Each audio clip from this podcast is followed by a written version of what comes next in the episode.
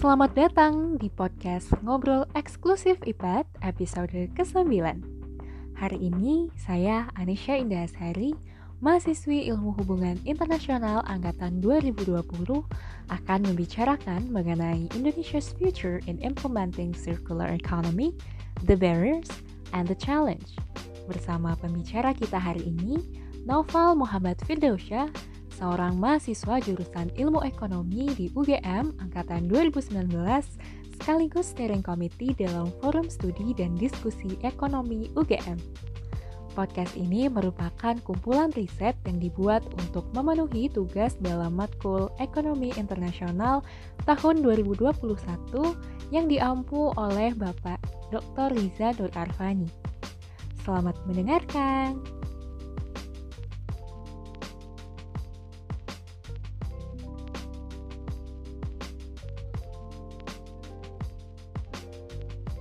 Selamat pagi, uh, Naufal. Naufal sudah berada. Ya, selamat pagi. Uh, aku nih di sini sebelumnya mungkin boleh kenalan dulu untuk teman-teman yang sedang mendengarkan. Oke, okay, uh, lo teman-teman kenalin aku Novel Muhammad Firdosyan, tapi teman-teman bisa manggil aku Opal.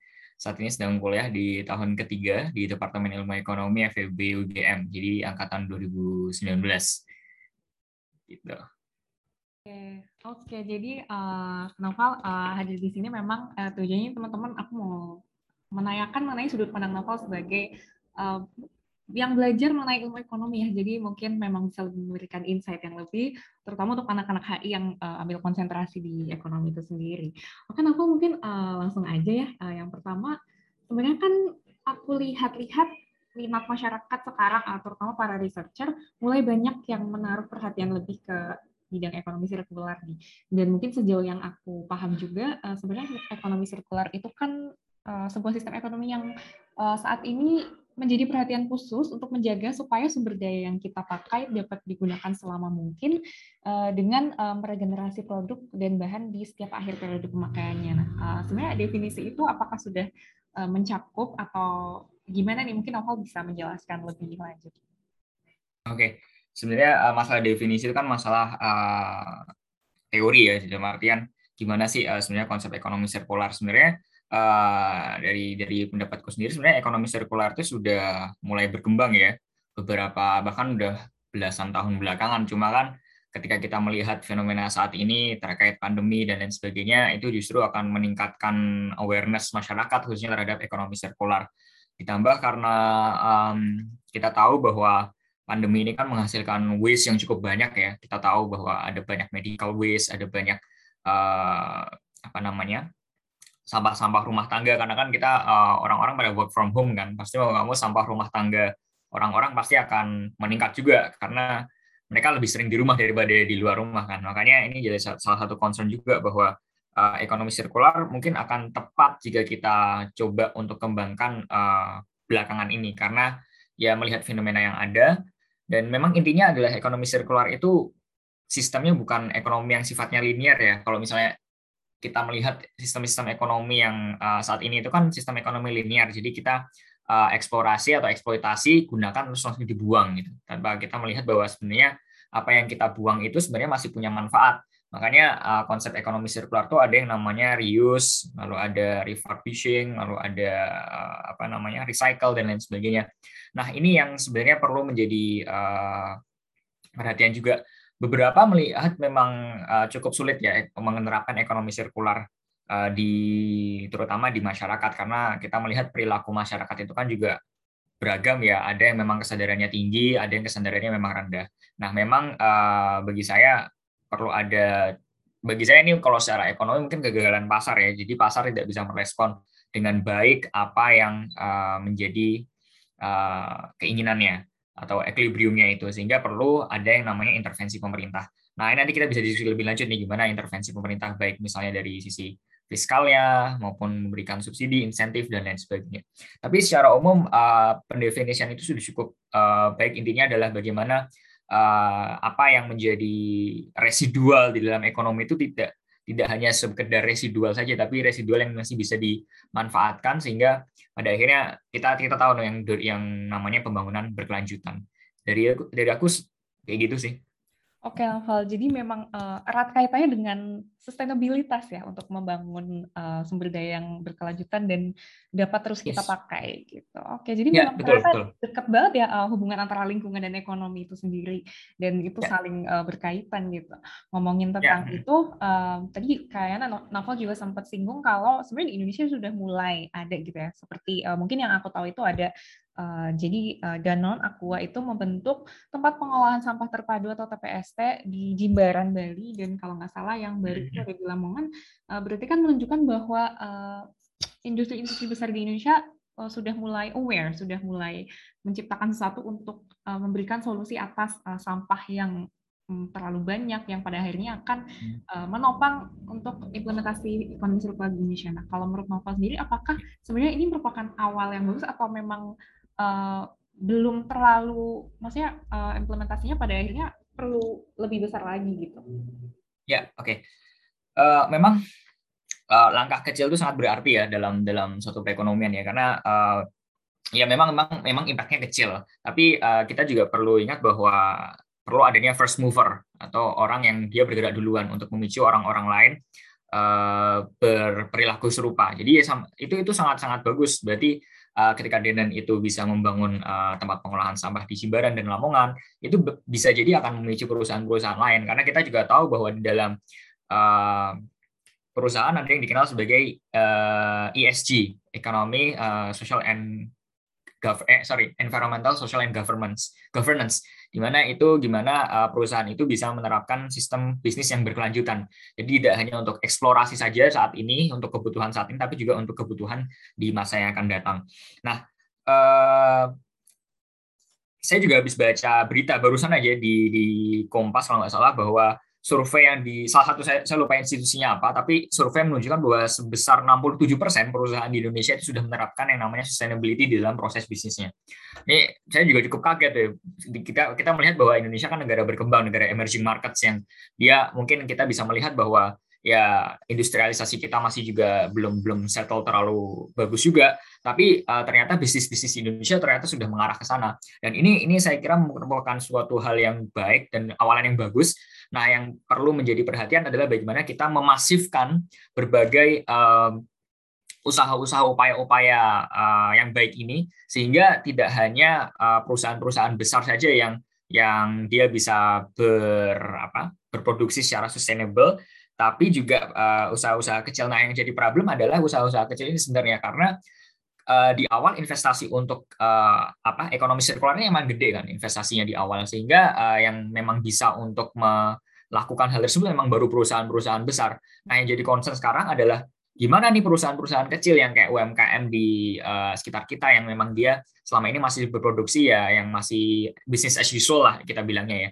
Nah ini yang perlu bagi saya perlu peranan pemerintah dalam uh, perekonomian untuk mengintervensi jadi misalnya memberikan uh, bantuan subsidi dan lain sebagainya sehingga mereka yang uh, usaha-usaha kecil ini tidak hanya uh, bisa melanjutkan bisnisnya, tapi juga bisnisnya itu bisa sustain. Tidak hanya perusahaan-perusahaan besar saja gitu. Karena kan ya ya itu di concernnya di depan adalah uh, investasi untuk uh, sustainability itu kan memang cukup cukup banyak cukup apa ya ya banyak banget lah nominal uangnya gitu ya. Jadi uh, bagi saya memang uh, itu penting untuk untuk ke depannya. Tidak hanya perusahaan besar saja, tapi perusahaan kecil, tapi juga dengan pendekatan yang uh, berbeda. Itu dari aku. Oke, Rafael. Jadi memang uh, perbedaannya mungkin dari sisi uh, sumber daya mereka, ya, dari income-nya, dari uh, perusahaan. Yes, betul, betul. Itu kan punya privilege, punya banyak sumber daya untuk uh, pada akhirnya menerapkan sistem yang lebih sustainable gitu. Dan mungkin tantangannya yes. ada pada mereka yang baru mulai merintis, tapi uh, ada tuntutan untuk membentuk sebuah sistem yang sustainable mungkin itu menjadi salah satu yang uh, jadi pertimbangan juga ya untuk UMKM-UMKM di yeah. memang membutuhkan peran pemerintah gitu. Ngomongin yeah. pemerintah nih, uh, Novel, kira-kira kalau menurut kamu sejauh ini sebenarnya uh, sinergitas yang ditunjukkan oleh pemerintah Indonesia udah uh, bagus belum sih, udah menopang uh, dan mendukung implementasi ekonomi sirkular di Indonesia? Oke, okay, ya. Yeah.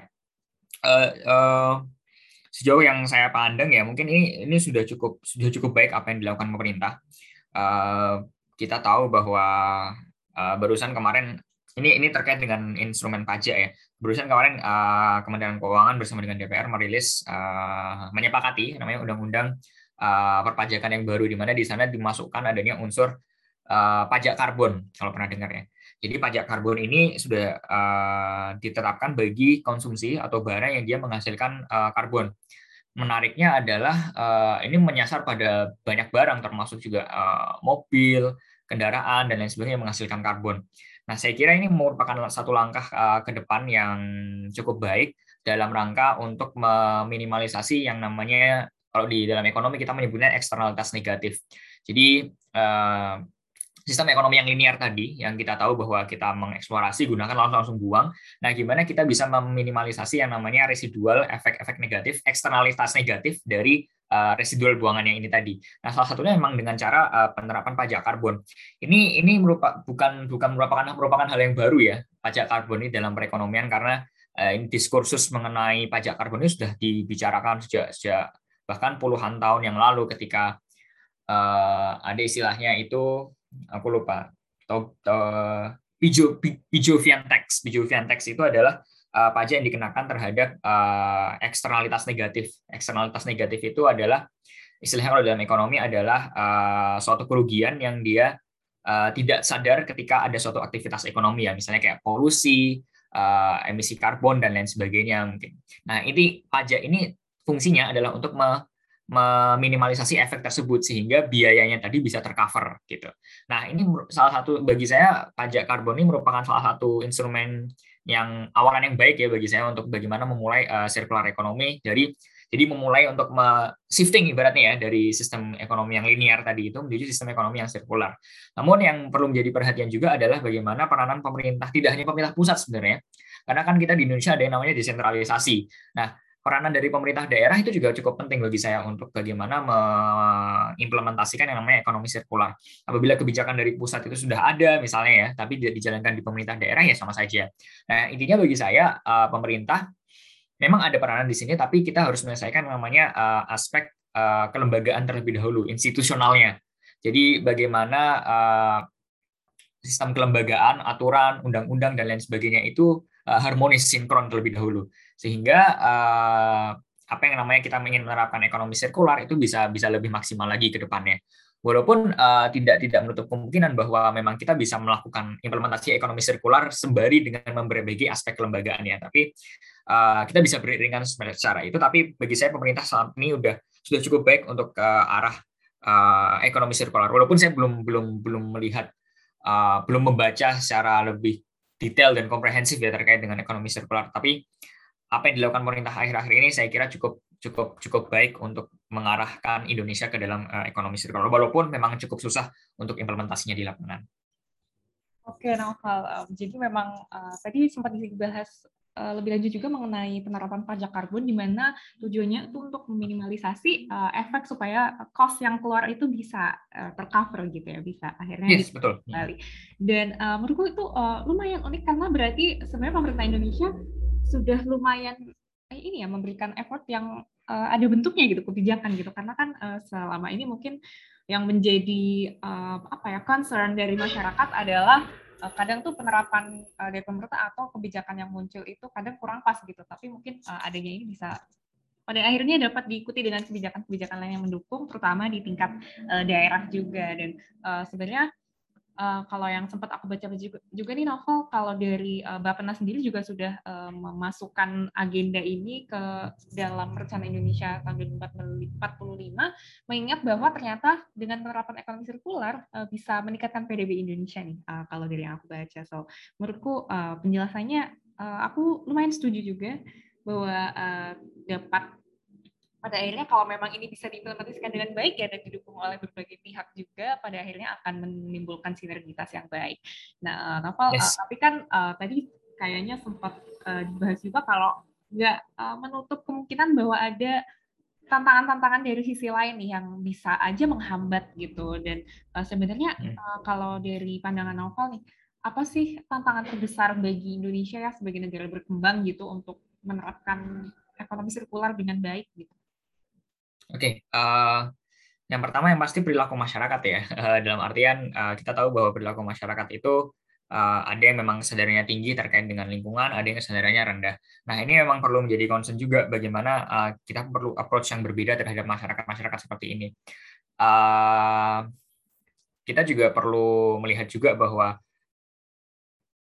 kebijakan itu tidak uh, tidak terkadang tidak fit untuk semua masyarakat ya. Maksudnya satu kebijakan ini dianggap oh ini baik untuk setiap orang, tapi uh, ada juga pasti kebijakan itu uh, ada uh, orang yang merasa merugi terugi terkait uh, hal tersebut. Ya mungkin kita bisa melihat pajak karbon kan uh, mungkin itu penerapan kalau orang kena pajak kan orang pasti nggak suka kan ibaratnya ya. Nah ini ini yang perlu menjadi uh, perhatian juga bahwa uh, apa namanya tantangan yang pasti itu mengenai pengelolaan dari uh, perilaku masyarakatnya. Kalau misalnya pemerintah sudah menerapkan yang namanya uh, pajak karbon misalnya, tetapi uh, konsumsi masyarakatnya tetap sama aja ya, ya tidak tidak tidak apa tidak bermanfaat juga pajak karbon gitu loh. Kan kan intinya adalah pajak karbon kan adalah mengurangi konsumsi barang-barang yang memproduksi karbon yang cukup tinggi. Nah, tapi kalau perilaku masyarakatnya itu juga tidak berubah ya sama aja penerapan pajak karbon itu. Nah, ini yang uh, diskursus mengenai perilaku masyarakat ini memang cukup cukup apa ya cukup problematik dalam artian uh, memang ketika ada suatu kebijakan uh, terus ada banyak yang misalnya protes dan lain sebagainya. Nah uh, apa namanya ini yang yang memang memang perlu apa ya pendekatan khusus memang kalau bagi saya ya apakah dengan instrumen insentif yang atau pajak karbonnya dinaikkan atau misalnya program-program sejenis lah yang mungkin bisa mengakomodasi mereka. Nah, uh, tantangan ini yang sangat-sangat bagi saya cukup-cukup uh, memberikan effort bagi pemerintah ya untuk bagaimana mengubah perilaku masyarakat karena concern di dalam ekonomi kan sebenarnya kita mempelajari perilaku seseorang untuk bagaimana produksi, konsumsi dan lain sebagainya. Nah, ini uh, perlu juga diperhatikan. Lalu yang kedua, kembali lagi saya bilang bahwa aspek aspek institusionalnya. Dalam artian aspek institusional itu adalah aspek-aspek yang berkaitan dengan bagaimana aturan tersebut bekerja, lalu bagaimana uh, sistem organisasi itu ada di dalam uh, masyarakat berkembang. Nah, ini kita yang perlu lihat juga apakah sudah linear dengan uh, progres kita ingin menuju ke ekonomi sirkular kadang kalau misalnya aturannya juga nggak jelas dan lain sebagainya ya sama aja. Nanti akan kontradiktif dengan ekonomi sirkular. Harmonisasi peraturan juga cukup penting bagi saya untuk uh, menerapkan ekonomi sirkular. Namun uh, tapi tantangan terbesar tetap dari perilaku masyarakat sih kalau, kalau saya ya. Walaupun sumber daya manu sumber daya anggarannya ada uangnya ada modalnya ada infrastrukturnya ada tapi kalau perilaku masyarakatnya tidak mendukung ya uh, ekonomi sirkular akan cukup cukup bukan bukan men, hanya hanya sekedar mimpi aja. Bagi saya mungkin uh, itu sih. Mungkin satu lagi adalah peranan dari rumah tangga itu cukup penting sebenarnya. Jadi uh, rumah tangga di Indonesia itu kan ada ya ada banyak kita kita punya banyak rumah tangga di Indonesia yang dia uh, punya ya punya keluarga banyak juga anggota keluarga. Nah, ketika kita bisa memperkuat uh, rumah tangga itu sendiri untuk mengubah perilakunya, at least kita mengubah uh, mengubah salah satu anggota keluarga di rumah tangganya itu ya. Bisa jadi itu akan memiliki efek spillover terhadap uh, anggota keluarga lainnya. Nah, ini uh, yang perlu diperhatikan oleh pemerintah juga terkait dengan bagaimana menuju ke ekonomi sirkular entah itu bagaimana mengelola sampah rumah tangga secara komunal lalu mungkin entah bagaimana mereka bisa bijak untuk menggunakan air bagaimana ya intinya semacam itulah bagaimana kita ke arah ekonomi sirkular dari sisi rumah tangga itu sendiri kayak gitu dari aku Oke, jadi kalau bisa aku uh, sum up ya, jadi uh, Novel membagi bahwa tantangan terbesarnya itu ada pada tiga poin utama. Yang pertama yang terbesar dan uh, mungkin kita juga bisa lihat uh, semua adalah dari perilaku masyarakat itu sendiri. Nah mungkin kalau uh, ngomongin perilaku memang uh, pada akhirnya banyak faktor yang masuk nih yang dan mungkin uh, di sinilah bi bisa nih akademisi-akademisi memberikan uh, perannya mungkin untuk uh, menaikkan kesadaran masyarakat ataupun dengan mahasiswa-mahasiswa uh, nih pada umumnya kan karena kita uh, punya privilege untuk bicara gitu ya beratnya dan yang hmm. kedua adalah mengenai uh, pemerataan dari uh, institusi itu sendiri baik dari yang tingkat tertinggi maupun yang ada di daerah-daerah dan yang ketiga adalah uh, dari uh, rumah tangga di mana memang nggak uh, bisa dipungkiri bahwa uh, banyak jumlahnya dan pada akhirnya uh, dari rumah-rumah itu akan memberi kalau misalkan diakumulasi misalkan semuanya nggak menerapkan pola hidup yang sustainable pada akhirnya akan uh, berdampak dan tabrakan yeah. terus untuk apa ya kebijakannya diberlakukan yeah. gitu oke okay, yeah. dan uh, melihat itu semua nih Novel melihat uh, adanya adanya kemungkinan dan adanya tantangan uh, menurut Naufal sendiri uh, gimana sih Indonesia ke depannya? Bisa nggak sih kita sebenarnya kayak di masa depan di tahun 2045 khususnya kira-kira um, apakah itu satu hal yang utopis atau sebenarnya masih mungkin nih untuk kita mencapai ekonomi sirkular yang efektif? Oke, okay. uh, sebenarnya akan akan masih possible Indonesia untuk mengarah ke sana ya. Cuma uh, yang jadi concern adalah langkah awalnya bagi saya. Jadi langkah awal ketika langkah awalnya kita sudah salah ya nanti ke depan kita juga akan mengalami keribetan ya dalam artian uh, dan lain sebagainya.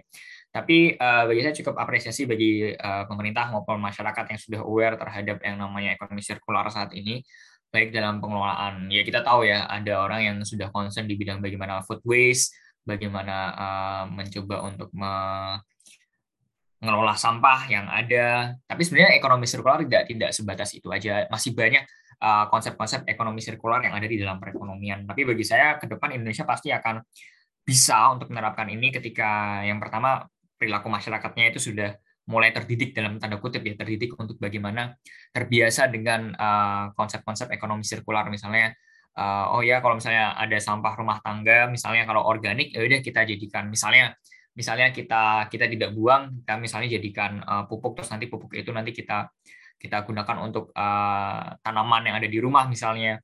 Tidak termasuk juga kalau misalnya uh, sampah rumah tangga sampah rumah tangga lainnya yang bisa diolah dengan pendekatan yang berbeda.